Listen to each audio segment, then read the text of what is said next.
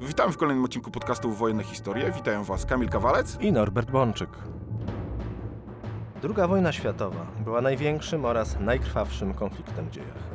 Na bazie wielu lat własnych badań naukowych, wertowania tysięcy stron zarchiwizowanych meldunków wojskowych, wreszcie publikowania książek i artykułów, staramy się przybliżać szereg zagadnień związanych z tą okrutną wojną, a także obalać wiele mitów. Jeżeli podoba się Wam nasz podcast, możecie wesprzeć nas wpłatą w serwisie Patronate pod adresem patronate łamane na podcast Wojenne Historie. Albo kupić nam symboliczną kawę w serwisie Buy Coffee łamane na podcast Wojenne Historie. Norbert, chciałbym, żebyśmy dzisiaj porozmawiali o legendarnej bitwie pancernej pod Kurskiem i jeszcze bardziej legendarnym udziale tygrysów w tej bitwie. Jak one sobie tam poradziły? Czy tak naprawdę były bronią, która mogła przeważyć w jakiś sposób szale zwycięstwa na stronę Niemców, bo Rosjanie widzieli te tygrysy wszędzie praktycznie pod Kurskiem. Ale jak w praktyce wyglądał ich udział w tej bitwie? Można by całą rzecz skrócić do stwierdzenia, że ich udział był incydentalny, dlatego że czołgi ciężkie Panzer 6 Tiger stanowiły raptem 6% użytych przez Niemców w bitwie pod Kurskiem czołgów i dział pancernych. Ale z drugiej strony oczywiście czołg czołgowi nierówny i inaczej wyglądał w tej bitwie udział załóg czołgów Panzer II, a inaczej wyglądał czołgów Panzer 6. Może na początek oczywiście taka uwaga, że bitwa pod Kurskiem, tak jak ty Kamilu powiedziałeś, często jest nazywana bitwą pancerną, ale nie będzie to zaskoczeniem dla naszych słuchaczy. Nie była to bitwa oczywiście pancerna, była to po prostu bitwa, nie ma czegoś takiego jak bitwa pancerna. Rozmawialiśmy zresztą w odcinku o Prochorowce i o przygotowaniach do Kurska, że bitwę toczą związki taktyczne w ramach tychże armii, czyli związków operacyjnych i bitwa ma charakter walki broni połączonych. I to jest zresztą dosyć istotna uwaga właśnie w kontekście rozmowy o efektywności na polu walki jakiegokolwiek pojedynczego systemu uzbrojenia, w tym czołgów, tym tygrysów. Często bywa tak, że w, jakiejś takiej wyobraźni widzimy pojedynki pancerne zgoła jak jakieś starcie rycerzy na polu walki, gdzie decyduje silniejszy oręż, lepsze wyszkolenie czy szczęście danego kombatanta. No ale jednak we współczesnej wojnie, współczesnej w rozumieniu połowy XX wieku, to jednak bitwa jest złożonym, wieloelementowym systemem. Czołg jest istotnym, ale jedynie elementem tegoż właśnie systemu. I to jest bardzo istotne, kiedy mówimy, czy czołg jest efektywny, czy jest nieefektywny, bo na papierze możemy wziąć jego dane taktyczno-techniczne. Tutaj oczywiście rozmawialiśmy już troszeczkę w jednym z odcinków o, o samym czołgu Tygrys. Czołg ciężki, pancerz przedni 100 mm, pancerz boczny 80 mm, jak na ówczesne warunki. Bardzo dobrze opancerzony pojazd. Nie można właściwie amunicją przeciwpancerną z lekkich dział przeciwpancernych kalibru 45, czy nawet dział takich pułkowych czy dywizyjnych kalibru 76 mm od czoła na dalekim i na średnim dystansie. Raczej będzie ciężko przebić pancerz takiego czołgu. Potężna armata 88 mm gwarantująca przewagę ognia w walce bezpośredniej na przykład nad czołgami z armatami kaliber 76 mm, o lżejszych nawet nie wspominając, ale też przewaga właśnie zasięgu i siły ognia w walce z tym, co batalion czy pułk piechoty ma pod ręką, bo jeżeli wychodzi na tarcie czołgów, czy natarcie grenadierów i czołgów na okopaną na przykład dywizję strzelecką, gdzie broni się określony pułk swoimi batalionami, to bezpośrednio na miejscu obrońcy mają do dyspozycji, mówimy tu o Armii Czerwonej pod Kurskiem, przede wszystkim armaty przeciwpancerne kaliber 45 mm oraz różnego rodzaju armaty, różnego rodzaju działa kaliber 76 mm.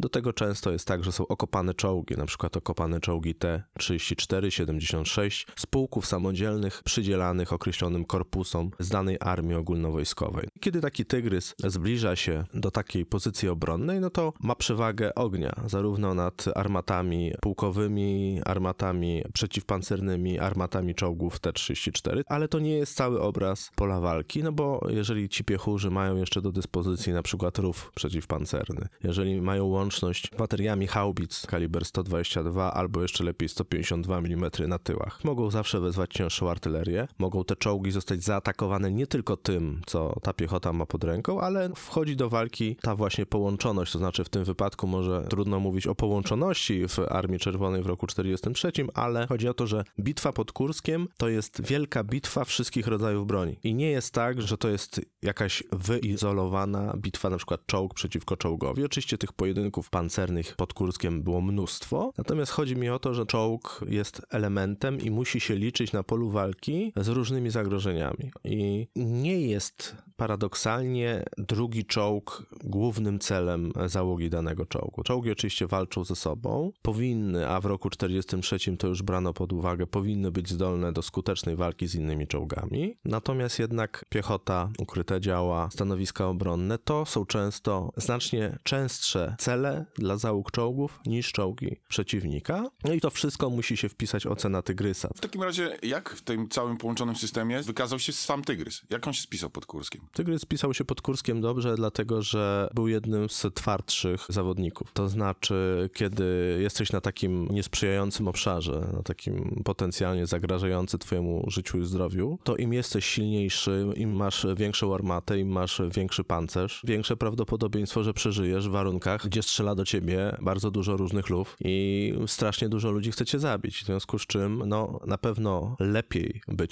wtedy czołgistą w czołgu ciężkim niż na przykład w czołgu lekkim. Z drugiej jednak strony, Tygrys był dosyć specyficznym pojazdem. To znaczy, to był czołg ciężki, uniwersalny czołg przełamania. Co powodowało, że dowódcy wyższego szczebla kierowali załogi czołgów Tygrys zawsze w szwerpunkt, czyli w punkt ciężkości, czyli tam, gdzie było najbardziej gorąco. I okazywało się, że ten pancerz, ta armata to jest super, natomiast ryzyko śmierci i tak gwałtownie wzrasta, bo jak jest służysz na innych czołgach, to nie zawsze będą cię kierować w najgorszy punkt, bo czołgi to także walka manewrem, to taktyka. W związku z czym normalni czołgiści, w sensie załogi czołgów w pułkach pancernych, dywizji pancernych, no mają jeszcze tutaj bardzo ważny jest element manewru. Natomiast w przypadku czołgów ciężkich, to one muszą iść na tego wroga frontalnie. W związku z czym ryzyko śmierci, a zwłaszcza zranienia w czołgach ciężkich Tygrys pod Kurskiem było procentowo wyższe niż w czołgach średnich, czyli paradoksalnie, jeżeli bawimy się w taką statystykę, bo ja tu zawsze powtarzam, że statystycznie to koni człowiek w jednym zbiorze mają po trzy nogi, ale jeżeli bawimy się w taką statystykę, to ryzyko zranienia, nie śmierci, ale ryzyko zranienia w Tygrysie było wyższe niż na przykład w czołgu Panzer III, a jednocześnie było porównywalne do ryzyka zranienia, jak się było załogantem działa szturmowego Sturmgeschütz, dlatego że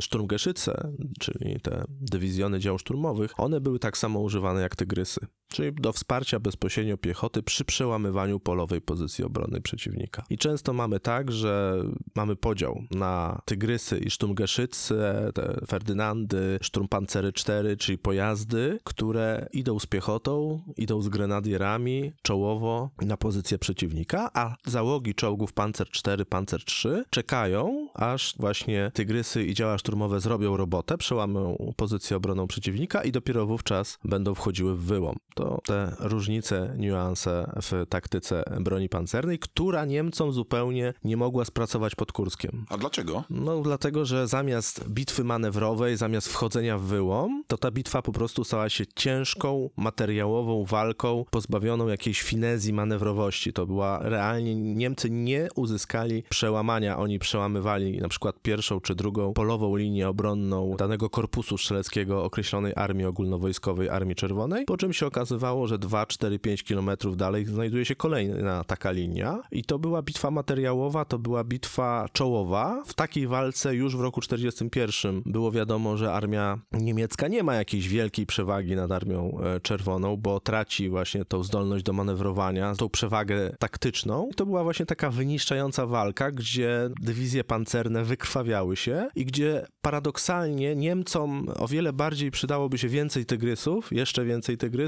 niż czołgów średnich, które słabo nadawały się do takiej bitwy zderzeniowej wręcz, bo to była wielka operacja, właściwie składająca się z kilku bitew. One były bitwami materiałowymi, to było takie czołowe zderzenie się tutaj, zwłaszcza w lipcu 43 roku, w czasie niemieckiej ofensywy Cytadela, nie było miejsca na wysublimowane niuanse. Trzeba było się po prostu przez tego przeciwnika przełamać po przygotowaniu artyleryjskim, po nalotach lotniczych, po ciężkiej walce piechurów, po tym, kiedy trzeba było przedzierać się przez is pola minowe. Saperzy musieli wytyczać ścieżki dla piechoty, musieli wytyczać drogi dla pojazdów pancernych w polach minowych. Nie było finezji, nie było manewru. Była walka twarzą w twarz, czołg w czołg. Dlatego powiedziałem, że Tygrys pod Kurskiem się sprawdził. Dlatego, że to była bitwa, gdzie taki czołg mógł się sprawdzić. Do tego został w jakiś sposób zaprojektowany i właściwie potem już Niemcy nigdy w czasie II wojny światowej nie powtórzą czegoś takiego jak Kursk, jak Cytadela w lipcu 1943 roku, gdzie idzie do natarcia ława pancerna. I właśnie do czegoś takiego stworzono Tygrysa. Tylko powiedziałem, żeby się pod Kurskiem Niemcom przydało tych Tygrysów więcej. Znacznie, znacznie więcej. No, z jednej strony można powiedzieć, że to truizm, że w każdych siłach zbrojnych potrzeba więcej, ciągle więcej, że każdy generał chciałby mieć przecież więcej żołnierzy, więcej armat, więcej czołgów, więcej samolotów, że to taki truizm, ale pod Kurskiem czołg Tygrys się sprawdził, natomiast niemiecka taktyka, niemieckie planowanie, niemiecka sztuka operacyjna w kontekście Tygrysa już zaczęła poważnie szwankować, już zaczęła poważnie zawodzić, bo jeżeli my na przykład mówimy o niemieckich wojskach pancernych, to one nam się często kojarzą z blitzkriegiem, z zmasowaniem czołgów w ramach właściwego w rozumieniu sztuki wojennej stosowania czołgów w masie. Natomiast tygrysy pod Kurskiem zostały dramatycznie rozproszone. Nigdzie nie wystąpiły w dużej liczbie. W ogóle w całej bitwie kurskiej, czy właściwie operacji, na którą składało się kilka bitew, wzięło udział raptem 150 takich czołgów, czyli to było 6% użytego przez Niemców sprzętu pancernego, ale żeby te chociaż 6% było w jednym miejscu, ale nie, tygrysy po pierwsze walczyły na trzech różnych kierunkach operacyjnych, bo na północy łuku kurskiego w ramach 9 Armii generała Modela był jeden batalion czołgów ciężkich uzbrojony w te tygrysy. Na południu w czwartej armii pancernej nie było żadnego batalionu, ale były cztery kompanie dywizyjne, o czym za chwilę powiem, a jedyny w pełni skompletowany batalion był w ramach grupy armijnej Kemp w trzecim korpusie pancernym i on nacierał z kolei nie bezpośrednio z południa na północy na łuku kurskim, czyli z rejonu Białgorodu na Kursk, tylko nacierał jakby z Białgorodu najpierw na wschód, bo w ramach trzeciego korpusu pancernego musieli najpierw forsować Doniec, a dopiero potem jakby włączać się do bitwy na kierunku północno-wschodnim. Czyli Niemcy nie dość, że do bitwy pod Kurskiem zebrali bardzo mało tych czołgów, bo 150 to jest łącznie z tym, co przyjechało w trakcie bitwy, ale realnie zaczynali bitwę pod Kurskiem mając 130 takich czołgów, z czego około 30 walczyło na północy w ramach 9 Armii, bo tam walczył jeden batalion czołgów ciężkich i on nie był nawet w pełni ukompletowany do 5 lipca, bo nie miał jednej kompanii, ona była dopiero w drodze z Rzeszy. Na południu walczył jeden batalion i cztery kompanie samodzielne, czyli można powiedzieć, że w ramach grupy Armii Południe, w tym najsilniejszym kułaku pancernym, jaki e, Niemcy zebrali do bitwy pod Kurskiem, walczyło w zaokrągleniu około 100 tygrysów, z czego my musimy sobie uświadomić, że pod Kurskiem w jednym konkretnym miejscu, które można objąć oczami pojedynczego żołnierza, nawet jeżeli patrzymy po horyzont, to nigdy nie zebrało się więcej jak 30 takich czołgów, bo nawet jeżeli gdzieś był pełny batalion, czyli 45 maszyn według etatu ówczesnego, dopiero co zresztą wprowadzonego, to dowódca korpusu rozpraszał tygrysy kompaniami po poszczególnych dywizjach. To z jednej strony zwiększało przebojowość danej dywizji na określonym e, kierunku, w określonym pasie natarcia, ale z drugiej strony powodowało, że Niemcy nigdzie nie mieli głębi zdolności, jeśli chodzi o tygrysy. Zresztą nie tylko jeśli chodzi o tygrysy, bo tutaj makrokosmos spotkał się z mikrokosmosem. Jeżeli spojrzymy na niemieckie ustawienie na przykład wojsk w pasie czwartej Armii Pancernej i grupy armijnej Kemp, to zobaczymy, że właściwie Manstein atakował niemal wszystkimi dywizjami pancernymi w pierwszym rzucie. Czyli na zasadzie przebiją się to dobrze, jak się nie przebiją, jest gorzej. Trzy korpusy pancerne. 48 Korpus Pancerny na lewej flance, centralnie Korpus Pancerny SS, potem przemianowany na drugi Korpus Pancerny SS i na prawej flance trzeci Korpus Pancerny. Trzy korpusy, właściwie można by powiedzieć dziewięć dywizji pancernych w pierwszym rzucie, olbrzymi taran, ale co będzie jak się nie uda? Gdzie są odwody? I to jest ten makrokosmos. A w mikrokosmos to jest tak właśnie z tygrysami. Tygrysy w każdej praktycznie dywizji. Albo kompanie, które są częścią tych dywizji, albo kompanie przydzielone, ale wszędzie jest rozproszenie. Nigdzie w pasie jednej dywizji nie naciera więcej niż 14 czołgów. No a gdzie są odwody? Bo bitwa bitwa materiałowa, bitwa na wyniszczenie, bitwa zderzeniowa to jest troszeczkę, mm, no, użyję takiego budowlanego porównania, to jest jak wiercenie wiertarką z udarem. Czasami jest tak, że jedno wiertło nie wystarczy ci, żeby wy- wywiercić tą dziurę. Musisz zmieniać wiertła, bo one się zużywają. Tak samo jest w natarciu w bitwie materiałowej. Musisz mieć w rezerwie kolejne odwody, kolejne dywizje, kolejne bataliony tygrysów, właśnie jak powiedziałem, te wiertła, no bo zużyje ci się jedna, wymieniasz i wiercisz dalej. I o ile jak wiercisz tą wiertarką, masz zapasowe wiertła, to możesz na chwilę przestać, wymienić i robisz to dalej, to tutaj jest zupełnie inna sytuacja. Niemcy nie mieli zapasowych wierteł. Jak te tygrysy, które mieli na pierwszej linii, im spracowały, to się nagle okazało, że z tyłu nie ma nic. I o ile tygrys jako czołg bardzo się sprawdził pod Kurskiem, o tyle w wymiarze taktycznym, czy wręcz szerzej, wyżej operacyjnym, te lokalne sukcesy czołgów ciężkich Tygrys nie dawały Niemcom nic, albo prawie nic, dlatego że się okazywało, że batalion Tygrysów wchodzi do walki, o czym za chwilę powiem trochę szerzej. W wyniku toczonych starć czołgi są obezwładniane, nie niszczone, ale obezwładniane. I na kilka, kilkanaście godzin, czasami do 24 godziny, nie są w stanie dalej brać udziału w walce. Uzyskują lokalny sukces na przestrzeni, na przykład wbijają się w głąb razem z piechotą, z saperami oczywiście, wbijają się na głębokość 2-4 kilometrów w pozycję polową przeciwnika. Nawet ją przełamują, ale nie mają odwodów, nie ma odwodów, które można pchnąć na drugą, na trzecią pozycję. Jeżeli przeciwnik jest urzutowany w głąb, jego pozycje obronne są użytowane w głąb, to tygrysy zużyte na pierwszej linii, no już ich zabraknie na drugiej i na trzeciej. I to właśnie mamy pod Kurskiem. Pod Kurskiem mamy klasyczny przykład, że czołgi ciężkie sprawdzają się, dokonują spustoszenia na pierwszej pozycji obronnej Rosjan, dosłownie mielą razem z oczywiście z innymi pododdziałami, nie same oczywiście, bo same by zostały natychmiast zniszczone, albo nie natychmiast, ale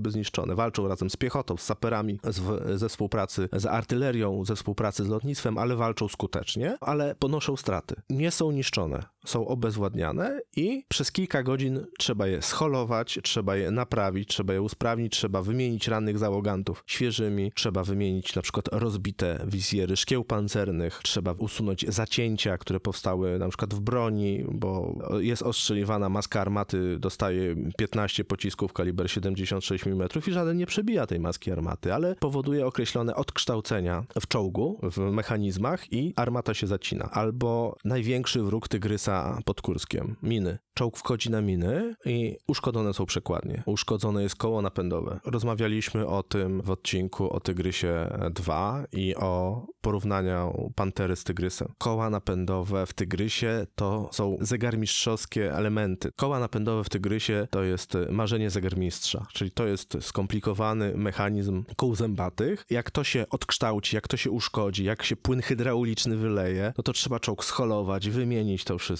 To są godziny, czasami to są dni. I to są te decydujące godziny i to są te decydujące dni. To znaczy Tygrysy przełamały pierwszą obronę, tak było w pasie frontu centralnego. Tygrysy przełamały pierwszą obronę, Rosjanie się bardzo przestraszyli, ale sukces przełamania pierwszej pozycji obronnej na styku tam 70. i 13 armii był na tyle wysoki, że praktycznie wszystkie czołgi zostały obezwładnione, mimo że tylko jeden był zniszczony zupełnie, ale wszystkie wyszły z linii i nie było kolejnego batalionu, który mógł pojechać, przejechać między tymi uszkodzonymi już tygrysami i pchnąć dalej natarcie do przodu na kolejną drugą linię oporu przeciwnika. Innymi słowy, to rozproszenie tygrysów sprawiło, że o ile one były w wielu licznych miejscach i w wielu licznych miejscach dały na tym lokalnym poziomie sukces, o tyle to się nigdzie nie mogło przerodzić w sukces taktyczny, a potem ten sukces taktyczny nie mógł się przerodzić w sukces operacyjny. Więc Tygrys jako czołg się sprawdził, natomiast Tygrys jako element szerszego systemu nie spracował Niemcom tak, jak oni sobie wyobrażali.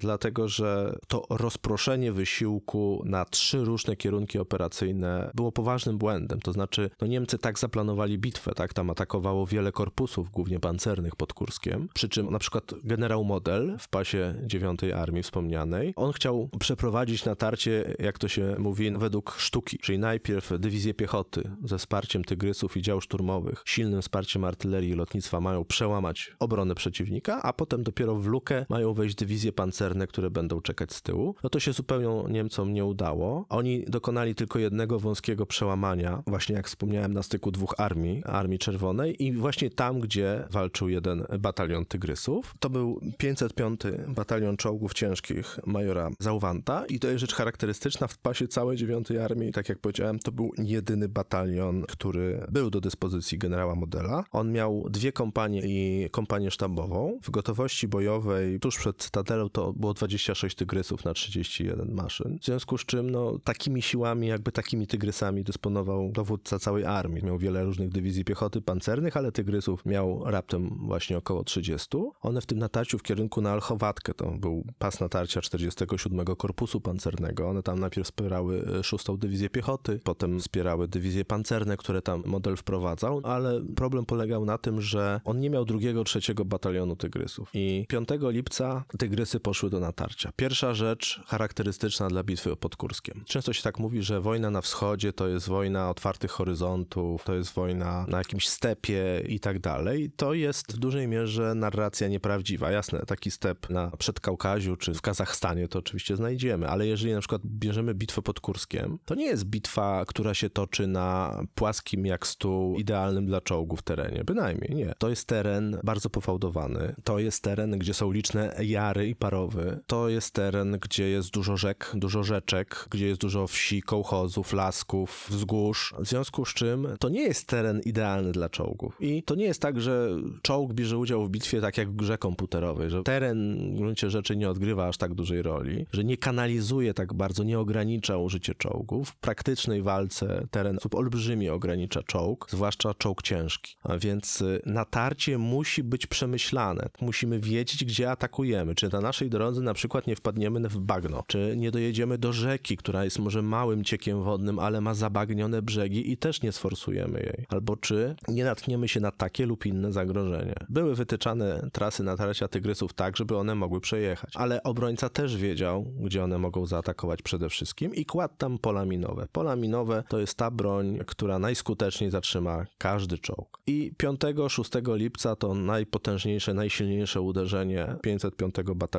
Ono pokazało, że czołg jest groźny. Wykrywano stanowiska armat przeciwpancernych, dział pułkowych, stanowiska karabinów maszynowych, ziemianki. Rozstrzeliwały to wszystko tygrysy z tych swoich świetnych armat i nacierały. I największym wrogiem były właśnie miny. Czołgi notorycznie wchodziły na miny. Im zresztą towarzyszyły też działa szturmowe. Ta walka w pasie 6 Dywizji Piechoty to była przede wszystkim walka z armatami przeciwpancernymi i z minami oraz z okopanymi czołgami T-34-76. Tu było tyle łatwiej czołgistom Tygrysów, że mogli wykryć, bo to te pojazdy były zakopane aż po wieżę. Wykopywano takie specjalne stanowisko dla czołgu. Czołg wjeżdżał, tylko wieża wystawała powyżej linii ziemi. Tą wieżę maskowano jeszcze na przykład trawą, jakimiś gałęziami, no i te załogi czołgów T-34 próbowały robić takie zasadzki przeciwpancerne. Na ogół na Tygrysa to się nie sprawdzało. Załogi Tygrysów odstrzeliwały takie pojazdy i najbardziej Rosjanom przydały się miny i nawały artyleryjskie, bo kiedy już nic, co walczy ogniem na wprost nie jest w stanie zatrzymać przeciwnika, no to wtedy wzywa się na pomoc artylerię. Jeżeli to jest artyleria ciężka, która będzie kładła powierzchniowo potężny walec ogniowy, a w tym wypadku wał ogniowy, za- zaporę ogniową, to ogień stromotorowy jest w stanie zniszczyć każdy czołg, dlatego że czołg ma gruby pancerz pionowy, ale ma na ogół relatywnie cienki pancerz stropowy, co powoduje, że no jak dostanie pociskiem kaliber 152 mm bezpośrednio, no to taki czołg nie tylko, że zostanie obezwładniony, ale po prostu zostanie na ogół zupełnie zniszczony. 505 batalion już pierwszego dnia bitwy, czyli tego 5 lipca, on zarobił na siebie w tym sensie, że meldował już, że zniszczył 42 czołgi, liczne armaty przeciwpancerne, stanowiska karabinów maszynowych. No 5 lipca niszczą 42 czołgi przeciwnika, przełamują się przez pierwszą linię oporu, ale większość czołgów wychodzi z linii. Większość czołgów ma różnego rodzaju defekty, trzeba je naprawiać. No jeszcze 6 lipca znacznie zmniejszono liczbą czołgów, próbują nacierać dalej. Wtedy Rosjanie popełniają pewien błąd, to znaczy chcą zatrzymać atakujących Niemców już na pozycjach wyjściowych, czyli nie chcą im pozwolić na pogłębienie włamania. Generał Rokosowski wydaje rozkaz kontrataku czołgom II Armii Pancernej, tam kontratakują trzeci Korpus Pancerny, 16 Korpus Pancerny i na batalion Tygrysów wychodzą elementy 16 Korpusu Pancernego. Tylko oczywiście w pasie jednego batalionu czołgów no nie wychodzi cały korpus przeciwnika, wychodzi z 16 Korpusu 107 Brygada Pancerna. I to charakterystyczne dla bitwy pod Kurskiem, te samobójcze w gruncie rzeczy kontrataki radzieckich brygad pancernych na włamujące się tygrysy. Jeżeli wychodzą na tygrysy w klasycznym przeciwuderzeniu bataliony czołgów T-34-76 i jeszcze tych lekkich T-70, bo pamiętajmy, że wówczas w 1943 roku na wyposażeniu brygad i korpusów pancernych Armii Czerwonej znajdowały się nie tylko czołgi średnie, ale też czołgi lekkie. To jest klasyczne rozstrzelanie, znaczy tutaj mamy egzekucję. To nie jest walka, to jest egzekucja, czyli z dużego z dystansu załogi tygrysów mogą dostrzec, że rozwija się do natarcia brygada pancerna i nawet z dwóch kilometrów, potem z półtora z kilometra, zmasowany ostrzał ciężkich armat. Tutaj tygrys się sprawdza. Ta 107 brygada pancerna, ona po prostu została rozstrzelana. Bardzo charakterystyczna rzecz. 6 lipca 505 batalion tam zameldował, że zniszczył 67 czołgów przeciwnika i rzeczywiście 16 korpus pancerny stracił tego dnia 69 czołgów bezpowrotnie, z czego głównie właśnie 107 brygada pancerna, ona poszła do natarcia z 50 czołgami, wróciły 4. Czyli de facto jednostka została zniszczona. Dokładnie, ta brygada została zniszczona, aczkolwiek no, została szybko odtworzona, tak, bo te, te radzieckie brygady pancerne, one były łatwe do odtwarzania, bo to nie były skomplikowane związki taktyczne broni połączonych. Brygadami się nazywało, ale to były bataliony czołgów z dospowanymi pododdziałami innych służb, ale tak naprawdę no, jeden batalion, drugi, trzeci wymieniasz załogi, czołgi i masz, je, masz z powrotem. Więc tą 107 brygadę pancerną jeszcze pod Kurskiem zobaczyliśmy później. Czyli to pokazuje, że to jest ta głębia zdolności. Tygrysy wyszły na pole walki, zobaczyły 107 brygadę pancerną 16 Korpusu Pancernego i jednego 6 lipca 43 roku rozstrzelały ją. Co nie zmienia faktu, że w bitwie pod Kurskiem potem ten 16 Korpus Pancerny znowu się zmaterializuje, bo Rosjanie mają głębie zdolności. Zniszczyliście nam 50 czołgów, to my mamy 100 kolejnych. W przypadku tygrysów nie ma czegoś takiego. Każdy tygrys, który wychodzi z linii, który jest obezwładniany, to jest o jednego tygrysa mniej. Nie ma gdzieś tam z tyłu kolejnego tygrysa, który może wejść do walki za tego, który właśnie na przykład urwał koło na, albo urwał szereg kół, bo przypomnijmy, że tygrys to ma tak zwane zawieszenie szachownicowe, tam jest wiele kół i tygrys wjeżdża na, na pole minowe, załoga przeżywa, czołg nie zostaje zniszczony, ale na przykład koło napędowe, trzy koła nośne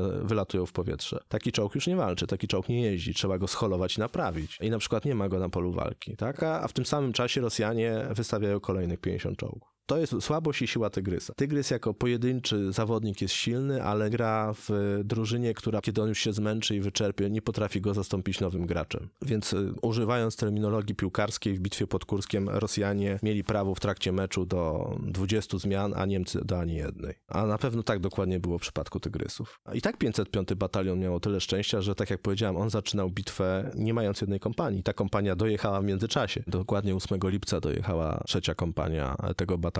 Efekt był taki, że Niemcy zaczynali w pasie 505 batalionu natarcie mając ekwiwalent dwóch kompanii czołgów. Do 8 lipca połowa no, wymagała jednak poważniejszych napraw, a jak przyjechała ta trzecia kompania, to zastąpiła ekwiwalent jednej już wyeliminowanej. Czyli dzięki tej trzeciej kompanii to maksymalna siła bojowa batalionu w bitwie pod Kurskiem. 29 czołgów, jednorazowo na raz. To właśnie po wejściu trzeciej kompanii do walki, już w trakcie walk. No ale czy to był wzrost potencjału? Nie. To było tylko zastąpienie powiedzmy jednej kompanii przeliczeniowej wyeliminowanej świeżą kompanią. Ale to też 48 godzin bitwy pod Kurskiem i kompanii nie ma. Znaczy nie ma w tym sensie, że wszystkie czołgi są obezwładnione i wymagają napraw. To w takim razie ile tych tygrysów Niemcy stracili na północnym odcinku swojego natarcia? Mieli jeden cały batalion i stracili bezpowodnie sześć czołgów, z czego spisali ze stanu, jak to się mówi, pięć w trakcie Cytadeli, a szósty czołg odesłali do remontu kapitalnego do Rzeszy, co też jest de facto spisanym czołgu ze, ze stanu, czyli 505 batalion czołgów ciężkich stracił sześć czołgów w czasie całych tych ciężkich walk, ale mówimy o stratach bezpowrotnych. To trzeba zrozumieć, to jest fundamentalne zagadnienie. Strata bezpowrotna to już jest czołg, który do niczego się nie nadaje. Wyleciał w powietrze eksplozją wewnętrzną, dostał 500-kilową bombę w środek wieży i też się rozpadł na kawałki, albo spłonął od środka, wypalił się po prostu, skorupa z niego została. To wtedy Niemcy mówią, no dobra, nic już z tego czołgu nie zrobimy, wpisujemy go jako bezpowrotna strata. Czołg, któremu urwało lufę, któremu wybiło załogę, któremu odpadły koła, to nie jest strata bezpowrotna. Taki czołg scholujesz i naprawisz. Mało tego, te bataliony czołgów ciężkich miały na tyle wydajną logistykę, że kilka dni, czasem 24 godziny wystarczyły, żeby czołg ponownie wszedł do walki. Czyli to, mówię, to jest ta różnica pomiędzy obezwładnieniem a zniszczeniem i rotacja, ciągła rotacja. Zdarzały się takie przypadki, że jeden czołg, jeden tygrys był obezwładniany w ciągu jednego dnia na przykład trzy razy. Jeżeli, on, jeżeli to były niewielkie uszkodzenia, ale wyłączające czołg z walki, to jeden czołg mógł trzy razy rotować w ciągu jednego dnia. Dnia. To jest o tyle ciekawe, że kiedy czytasz wiele różnych książek o bitwie pod Kurskiem, no to tam często masz coś takiego, a tego dnia Niemcy mieli tyle i tyle czołgów, tyle Panzer 3, tyle Panzer 4, tyle Tygrysów, albo że a pod Prochorowką to na przykład ta dywizja miała tylko trzy Tygrysy. Problem polega na tym, że Niemcy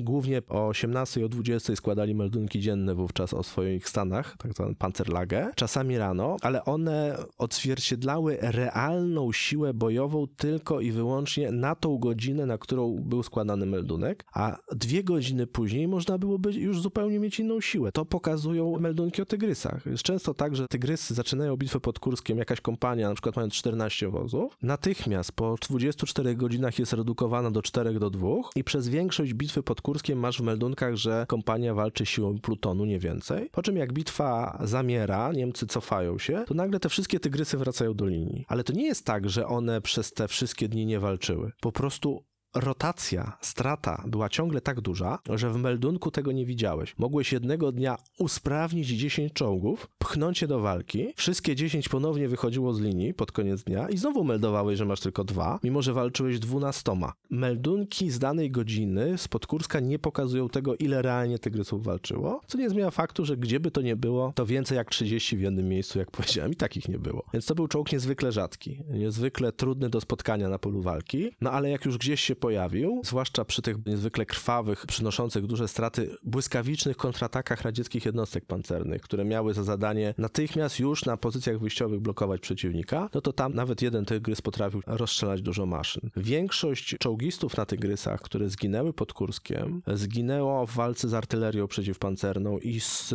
piechotą radziecką, a nie z czołgami, bo tygrys idzie w ogień. Tygrys przełamuje okopy. To jest czołg. Bardzo często jest tak, że trzeba się zorientować lepiej niż na to ci pozwalają wizjery, co się wokół ciebie dzieje. Wjechałeś w transzeję, rozjechałeś armatę przeciwpancerną, rozstrzelałeś jakiś kołchoz pociskami odłamkowo burzącymi albo zapalającymi. Walczysz, wokół ciebie jest przeciwnik i twoimi oczami są twoi koledzy w innych czołgach. Dlatego tak ważna jest taktyka walki, że czołgi na przykład muszą się wszystkie wzajemnie osłaniać. Ty jako czołgista nie widzisz, co się dzieje na tyle twojego tygrysa, z tyłu, za twoim tygrysem, ale to widzi twój kolega, który jedzie za tobą. I na przykład y, czasami jak słyszysz, że bębni ci po pancerzu ogień broni maszynowej, to nie strzelają do ciebie Rosjanie, tylko na przykład operator karabinu maszynowego w tygrysie za tobą w ten sposób zdejmuje ci radzieckich piechurów z, z pancerza twojego czołgu. Ale walka jest na tyle dynamiczna, że nie zawsze masz tego kolegę do dyspozycji. To co wtedy robią załogi czołgów? No niestety muszą wtedy cza- czasami otworzyć włazy i zobaczyć, co się dzieje. Otwierasz właz i jesteś narażony na to, że właśnie w tym momencie czekał na to jakiś e, radziecki snajper, albo czysty przypadek i ktoś cię zdjął z pepeszą, albo na przykład czołg znajduje się pod ogniem granatów moździerzowych i odłamki granatów moździerzowych mogą zabić kogoś, kto właśnie wychylił się z włazu, albo odłamki z ostrzału artyleryjskiego. Bardzo wielu dowódców tygrysów zginęło pod Kurskiem lub zostało rannych. Nawet nie ich kierowcy, radiooperatorzy czy ładowniczowie, tylko właśnie dowódcy, którzy w tych basztach siedzieli i czasami dla lepszej obserwacji, dla wskazania celu otwierali te włazy i narażali się na śmierć. Najgorsza robota w Tygrysie to być dowódcą kompanii albo dowódcą czołgu. To ryzyko śmierci najwyższe jest, jak jesteś właśnie dowódcą. A już kompanii to zupełnie. W ten sposób pod Kurskiem paru dowódców kompanii zostało rannych lub zginęło. I jak ginął na przykład dowódca czołgu czy dowódca kompanii, to też była poważna strata. Tych oficerów trzeba było rotować, więc dynamika bitwy pod Kurskiem była olbrzymia. Tego się nie dostrzeże, tego się nie zobaczy, jeżeli próbuje się oprzeć to na jakichś godzinowych raportach o stanie czołgów danego dnia. Tutaj znacznie cenniejsze są raczej wspomnienia,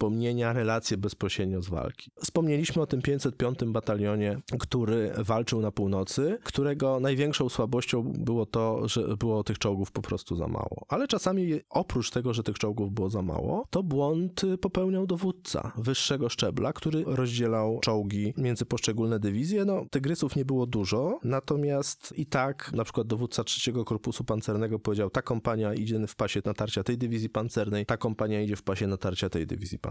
To był 503 batalion czołgów ciężkich. Tu już mówimy o południowym. Tak, odcinku teraz przechodzimy do grupy armijnej Kemp, czyli tej, która miała oś natarcia najpierw na wschód, a potem na północny wschód. To jest ten trzeci korpus pancerny, kto się mówi, że się spóźnił pod Prochorowkę. Tu odsyłamy do naszego odcinka o bitwie pod Prochorowką, właściwie boju pod Prochorowką, która nie wyglądała tak, jak to potem zapisano w radzieckich wspomnieniach i w oficjalnej e, historii Wielkiej Wojny Ojczyźnianej. No w każdym razie ten 503 Batalion Czołgów Ciężkich kapitana Graf Kagenek, on miał nacierać w pasie trzeciego Korpusu Pancernego grupy armijnej Kempf. No i tam było tak, że drugą kompanię przydzielono 19 Dywizji Pancernej, trzecią kompanię tego batalionu 7 Dywizji Pancernej. Jedna kompania z początku była w odwodzie i tu Niemcy mieli podwójny problem, bo front był tak ukształtowany, że nie tylko mieli przed sobą umocnienia polowe, w tym wypadku dywizji strzeleckich ze składu 7 Armii Gwardii, ale jeszcze mieli rzekę Doniec do forsowania. Mając po drugiej stronie rzeki gotowego do walki przeciwnika, który na nich czekał, czyli zadanie niezmiernie trudne i tygrysy jakby musiały tu sobie poradzić również z zagadnieniem, jak czołgi ciężkie skutecznie sforsują dużą przeszkodę wodną. No mogły to robić albo na przez wskazane brody, albo przez odpowiednie nośności mosty pontonowe. To natarcie trzeciego korpusu pancernego nie wychodziło tak jak należy, ale i tak udało się przerzucić czołgi na drugi brzeg. Niemcy uchwycili i okazało się, że no tak jak wszędzie, no miny, miny, jeszcze raz miny, to jest dla Tygrysa broń niezwykle groźna. Ona go nie zniszczy, ale ona go obezwładni. Tutaj może przytoczę wspomnienia Gerharda Neimana, działanowego Tygrysa z trzeciej kompanii 503 Batalionu Czołgów Ciężkich z 5 lipca 1943 roku. Nasza kompania sunie przez wąski las przechodzący w równinę nad brzegiem Dońca. Jako działanowy zajmuję stanowisko u stóp dowódcy, na głowie mam słuchawki. Jeszcze raz sprawdzam nerwowo spusty działa i karabinu maszynowego oraz pokrętła mechanizmów przesuwu pionowego i poprzecznego. Ręka drży mi nieco, gdy szybko nastawiam zasięg na dalmierzu. Rosyjska artyleria otwiera ogień. Przejeżdżamy przez wieś. Mamy przekroczyć rzekę pod Sołomino, 7 km na południowy wschód od Białgorodu. Pierwszy czołg już dotarł do Brodu, reszta czeka w ukryciu. Dookoła wybuchają pociski nieprzyjaciela. Wtórują im organy Stalina. Piekielny koncert. Prowadzący tygrys numer 321 zanurza się po błotniki i powoli przedziera się przez wodę. Wkrótce grzęźnie na drugim brzegu, próbując bezskutecznie wydostać się z pułapki. Podmokły teren okazuje się nieprzejezdny dla wozu o wadze blisko 60 ton. Rozstawione szeroką tyralierą tygrysy zajmują pozycję na otwartej równinie nad Dońcem. Rosyjska artyleria koncentruje swój ogień na punkcie przeprawy. Zostaje trafiony most, z którego akurat my i tak nie moglibyśmy skorzystać z uwagi na ograniczenie nośności do 30 ton. Saperzy dokonują teraz nadludzkich wysiłków. Powracają pierwsi ranni żołnierze piechoty. Nie mogą pojąć, dlaczego nasze czołgi wciąż tkwią bezczynnie na zachodnim brzegu. Dalej, jazda, koledzy czekają na was, krzyczą rozpaczliwie. My jednak stoimy po jednej stronie, piechota po drugiej, a pomiędzy nami płynie Doniec. Jest południe. Słońce nagrzewa wnętrza czołgów niemiłosiernie. Człowiek czuje się jak w inkubatorze. Wreszcie saperom udało się. Przejście jest gotowe. Kompania naprzód.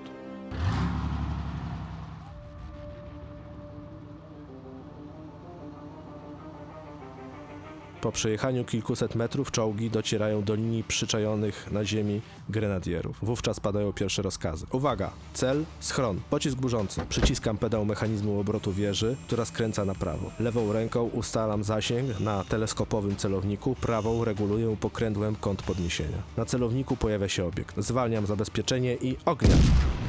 Cel niknie w obłokach dymu. Kierowca naprzód. Czuję lekkie szarpnięcie i już moim oczom ukazuje się kolejny widok. Przed czołgiem pojawiają się pierwsi czerwonarmiści. Liczne postacie w brązowych odzieniach wyrastają jak spod ziemi. Stojąc i klęcząc strzelają w pancerz czołgu. Karabin maszynowy otwiera ogień. Co chwila wybuchają wśród nas pociski. Postacie wyrzucają ramiona w górę i padają. Tylko nieliczni znajdują schronienie w zagłębieniach ziemi, lecz tych wykańcza nadciągająca piechota. Ognia, ognia!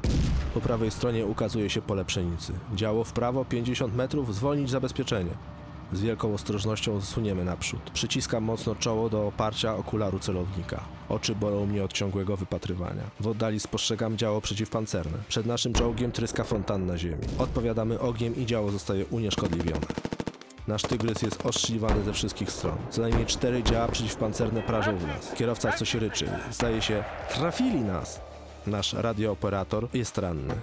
Ładowniczy pakuje do lufy pocisk za pociskiem i umieszcza coraz to nowe taśmy amunicji w karabinie maszynowym, a ja strzelam. Dowódca wydaje rozkazy kierowcy na stojąco. Nadjeżdżamy na działo przeciwpancerne i miażdżymy je gąsienicami. Znowu dostajemy z przodu i gaśnie oświetlenie. Wysiada elektryczny układ odpalania działa. Mimo to nasz czołg jedzie dalej.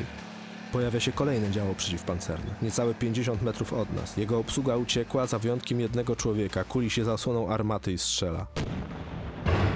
Straszliwy huk przeszywa wnętrze pojazdu. Kierowca skręca błyskawicznie i miażdży kolejne działo.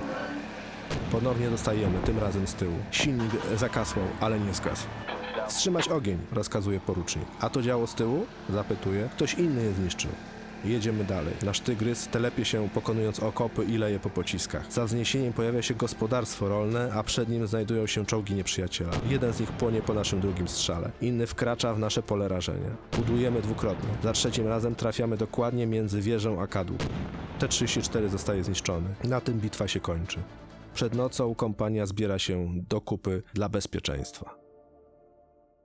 Można by powiedzieć, że ten taki nieco beletrystyczny opis Steinmana jest bardzo zbliżony do rzeczywistości. To znaczy, mamy tutaj lokalną walkę załogi czołgu, która musi się mierzyć, a to z piechotą przeciwnika, a to z zasadzkami przeciwpancernymi, a to z okopanymi czołgami. Czyli czy to jest odcinek północny, czy to jest południowy. Czy to jest 505 batalion, czy to jest 503 batalion, czy to są kompanie dywizyjne, czy to jest czwarta armia pancerna, grupa armii na Kempf, czy to jest dziewiąta armia, to wszędzie właściwie jest to samo. I znów, tygrys się sprawdza, ale tego tygrysa jest za mało. Za tym 503 batalionem powinien iść kolejny batalion, tylko że go nie ma. I trzeci korpus pancerny, no nie tyle co ponosi porażkę, bo on się przebił przez ten Doniec, on y, uzyskał przyczółek, potem go rozszerzył, ale to wszystko było za wolno i to wpływało na przebieg bitwy. Te tygrysy współdziałały z czołgami średnimi z dywizji pancernych, 6, 7 dywizji pancernych, ale tak jak powiedziałem, za mało i często za późno, natomiast w przypadku tygrysów z tego batalionu, no tak jak w przypadku 505, największym wrogiem okazały się miny. 503 batalion stracił 7 czołgów w lipcu 43 roku bezpowrotnie i to były najwyższe straty jak na batalion. To jest 7 czołgów na 45, z czego bez, w czasie samej Cytadeli to było 5 pojazdów i można by powiedzieć, że w sumie 7 tygrysów, z czego bezpośrednio straconych w czasie operacji Cytadela 5. Mówimy o czołgach straconych bezpowrotnie, ale to jest jedna strona medalu. A teraz zobaczmy na meldunek 503 batalionu z 8 lipca. To jest moment, kiedy ten batalion przeprawił się przez Doniec i wgryzł się w siódmą armię gwardii. I to jest tak, że oni w tym momencie mieli 39 tygrysów posłanych do walki. 34 czołgi wyszły z linii. Z tych 39 czołgów, które 5 lipca ruszyły do walki, z 45 łącznie, w ciągu pierwszych 72 godzin 34 czołgi w ten czy w inny sposób trzeba było na chwilę lub na kilka dni wycofać z walki, dlatego że to było tak, 7 czołgów zostało wyłączonych ogniem armat przeciwpancernych lub czołgów radzieckich, 16 czołgów e, musiano scholować, bo wyjechały na miny, 9 doznało awarii technicznych jako takich, na przykład były awarie techniczne takie, że na przykład spalono silnik, bo tak energicznie, tak manewrowano tym czołgiem, wiadomo, chcą cię zabić, ty chcesz zabić, to nie myślisz o tym, żeby dokładnie przestrzegać reżimów eksploatacyjnych silnika i dajesz gaz do dechy często zbyt długo i zbyt często. I zażynasz silnik. 9 tygrysów wyszło z awarii technicznych, ale spośród tych wszystkich 34 czołgów żaden nie był zniszczony i wszystkie Niemcy naprawili. Potem dopiero były te straty bezpowrotne, po 8 lipca. Czyli to pokazuje, że w tej statystyce nie należy się przywiązywać, tak jak już to powiedziałem, do zagadnień, ile w danej chwili tych czołgów jest sprawnych, no bo batalion zaatakował, w 72 godziny stracił wszystkie czołgi, potem je, albo prawie wszystkie czołgi, po 5 zostało, ale w ciągu 48 godzin je usprawnił i no i dalej wojował. To jest ta element rotacji. No i oprócz 505 i 503 batalionu czołgów ciężkich, całych aż dwóch batalionów, jakie użyto pod Kurskiem, no to oczywiście Tygrysy to także walka w kompaniach samodzielnych. Dywizja Grossdeutschland miała swoją kompanię Tygrysów, dywizja Totenkopf miała swoją 13 kompanię pułku pancernego Leibstandarte SS Adolf Hitler, dywizja Das Reich miała tu swoją 8 kompanię pułku pancernego, no i Totenkopf miał tą swoją 9 kompanię pułku pancernego dywizji Totenkopf. I w korpusie SS walczyły trzy kompanie Tygrysów, a w 48 korpusie pancernym walczyła jedna kompania Tygrysów. No i tutaj znowu, Tygrysy SS-mańskie wyróżniły się w walce, mimo dużych strat wśród załóg, to jednak straty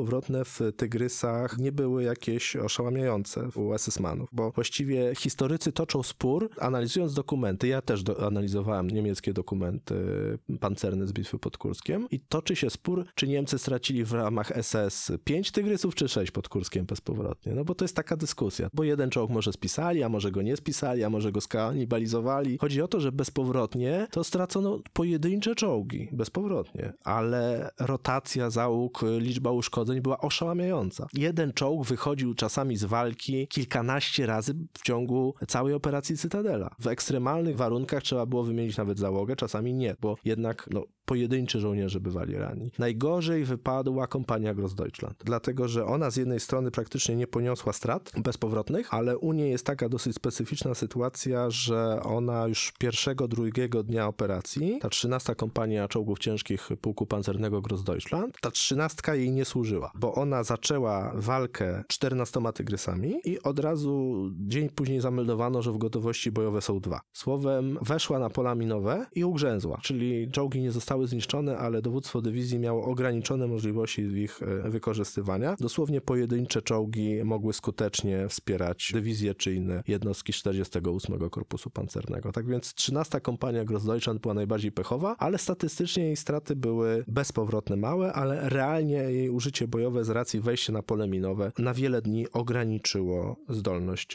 jej do walki. Pod Kurskiem walczyło e, około 150 tygrysów, nie naraz i nie w jednym miejscu, co podkreślam. Straty wyniosły 16 czołgów. Można powiedzieć, że wyniosły straty bezpowrotne wyniosły 10%. Czy to jest dużo? Nie, to nie jest dużo, dlatego że no, w sumie cała armia niemiecka miała wszędzie, łącznie z Rzeszą, wtedy około 250 tygrysów. W lipcu 1943 roku w operacji Cytadela straty bezpowrotne wyniosły 16 czołgów. Ale to jest tylko część prawdy, tak? 16 czołgów to są te czołgi, które zostały na polu walki, gdzie Rosjanie mogli je po prostu zabrać, pokazać, patrzcie, tygrysa żeśmy usiekli. Natomiast to nie zmienia faktu, że można by powiedzieć, że tygrysy zostały w ten czy w inny sposób wyeliminowane z walki w bitwie o Kursk ponad tysiąc razy, co temu czołgowi daje świetną opinię, dlatego że o, odstrzelili nam koło napędowe, dobra, wymienimy, jedziemy dalej, o, urwało nam gąsienicę, jedziemy dalej, o, przestrzelili nam pancerz,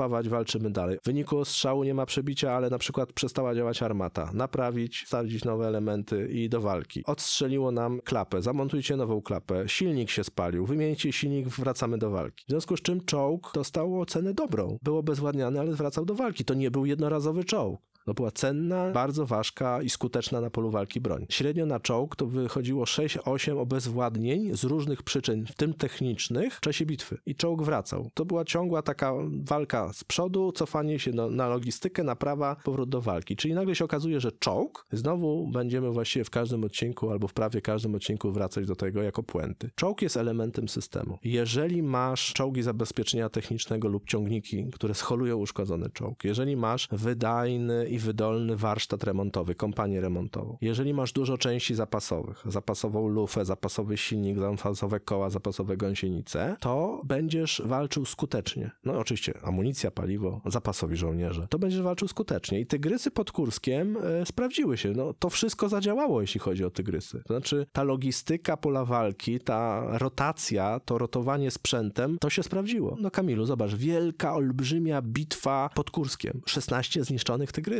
Trwałe wyeliminowanie tygrysa, żeby on już nie opuścił ziemi radzieckiej, to na order czerwonego sztandaru jak najbardziej. Tygrysy się pod Kurskiem sprawdziły, natomiast w szerszym wymiarze no, niemiecka machina wojenna nie spracowała, bo większość systemu nie pracowała już tak jak te tygrysy. Ale i te tygrysy, groźne, potężne na polu walki, nie było ich wystarczająco wiele, żeby sukcesy lokalne, to rozstrzeliwanie radzieckich brygad pancernych, to rozjeżdżanie armat przeciwpancernych, to pogonienie jakiegoś batalionu z kołchozu, żeby to się przełożyło na jakikolwiek szerszy, taktyczny czy operacyjny wymiar. No przepraszam bardzo, jeżeli w pasie natarcia korpusu pancernego ty idziesz do natarcia i masz 45 tygrysów i masz je wszystkie w jednej linii, no to tak jak powiedziałem to już, przełamiesz pierwszą linię obrony, na drugą ci zabraknie. Jasne, ty naprawisz te czołgi w 48 godzin, ale co zrobi przeciwnik w ciągu tych 48 godzin? Podciągnie całą armię pancerną w pasie, gdzie dokonałeś przełamania. Ty przełamałeś obronę strzelców tygrysami, oni ci je uszkodzili. Ty je naprawiłeś, wprowadzasz je znowu do walki, a Rosjanie już tam stoją na ciebie, czekają dwoma korpusami pancernymi. I ty będziesz do nich teraz strzelał, wyeliminujesz je w dużej mierze, ale oni też zadadzą ci straty. Stąd potem taka prochorowka, olchowatka i tego rodzaju epizody Kurska. Norbert, dziękuję Ci zatem za nakreślenie tego całościowego obrazu wykorzystania tygrysów, bo tak jak mówiłeś, jest to obraz, o którym się bardzo często zapomina. Dajemy się ponieść troszkę magii cyfr, a jak mówisz, one nie są zawsze adekwatne. Także dziękuję Ci ślicznie i do usłyszenia. Dziękuję bardzo. Dziękujemy za to, że byliście dzisiaj z nami. Czekamy na uwagi o tym odcinku zarówno na Facebooku, jak i na Instagramie, jak też i na YouTubie. Wszędzie tam możecie nas znaleźć wpisując naszą nazwę, czyli Podcast Wojenne Historii. Dziękujemy Wam bardzo również za wsparcie, jakiego udzielacie nam w serwisie Patronate. To dla nas niesamowita sprawa i daje nam to niezwykłego kopa do dalszego działania. Bardzo za to dziękujemy i do usłyszenia do następnego odcinka.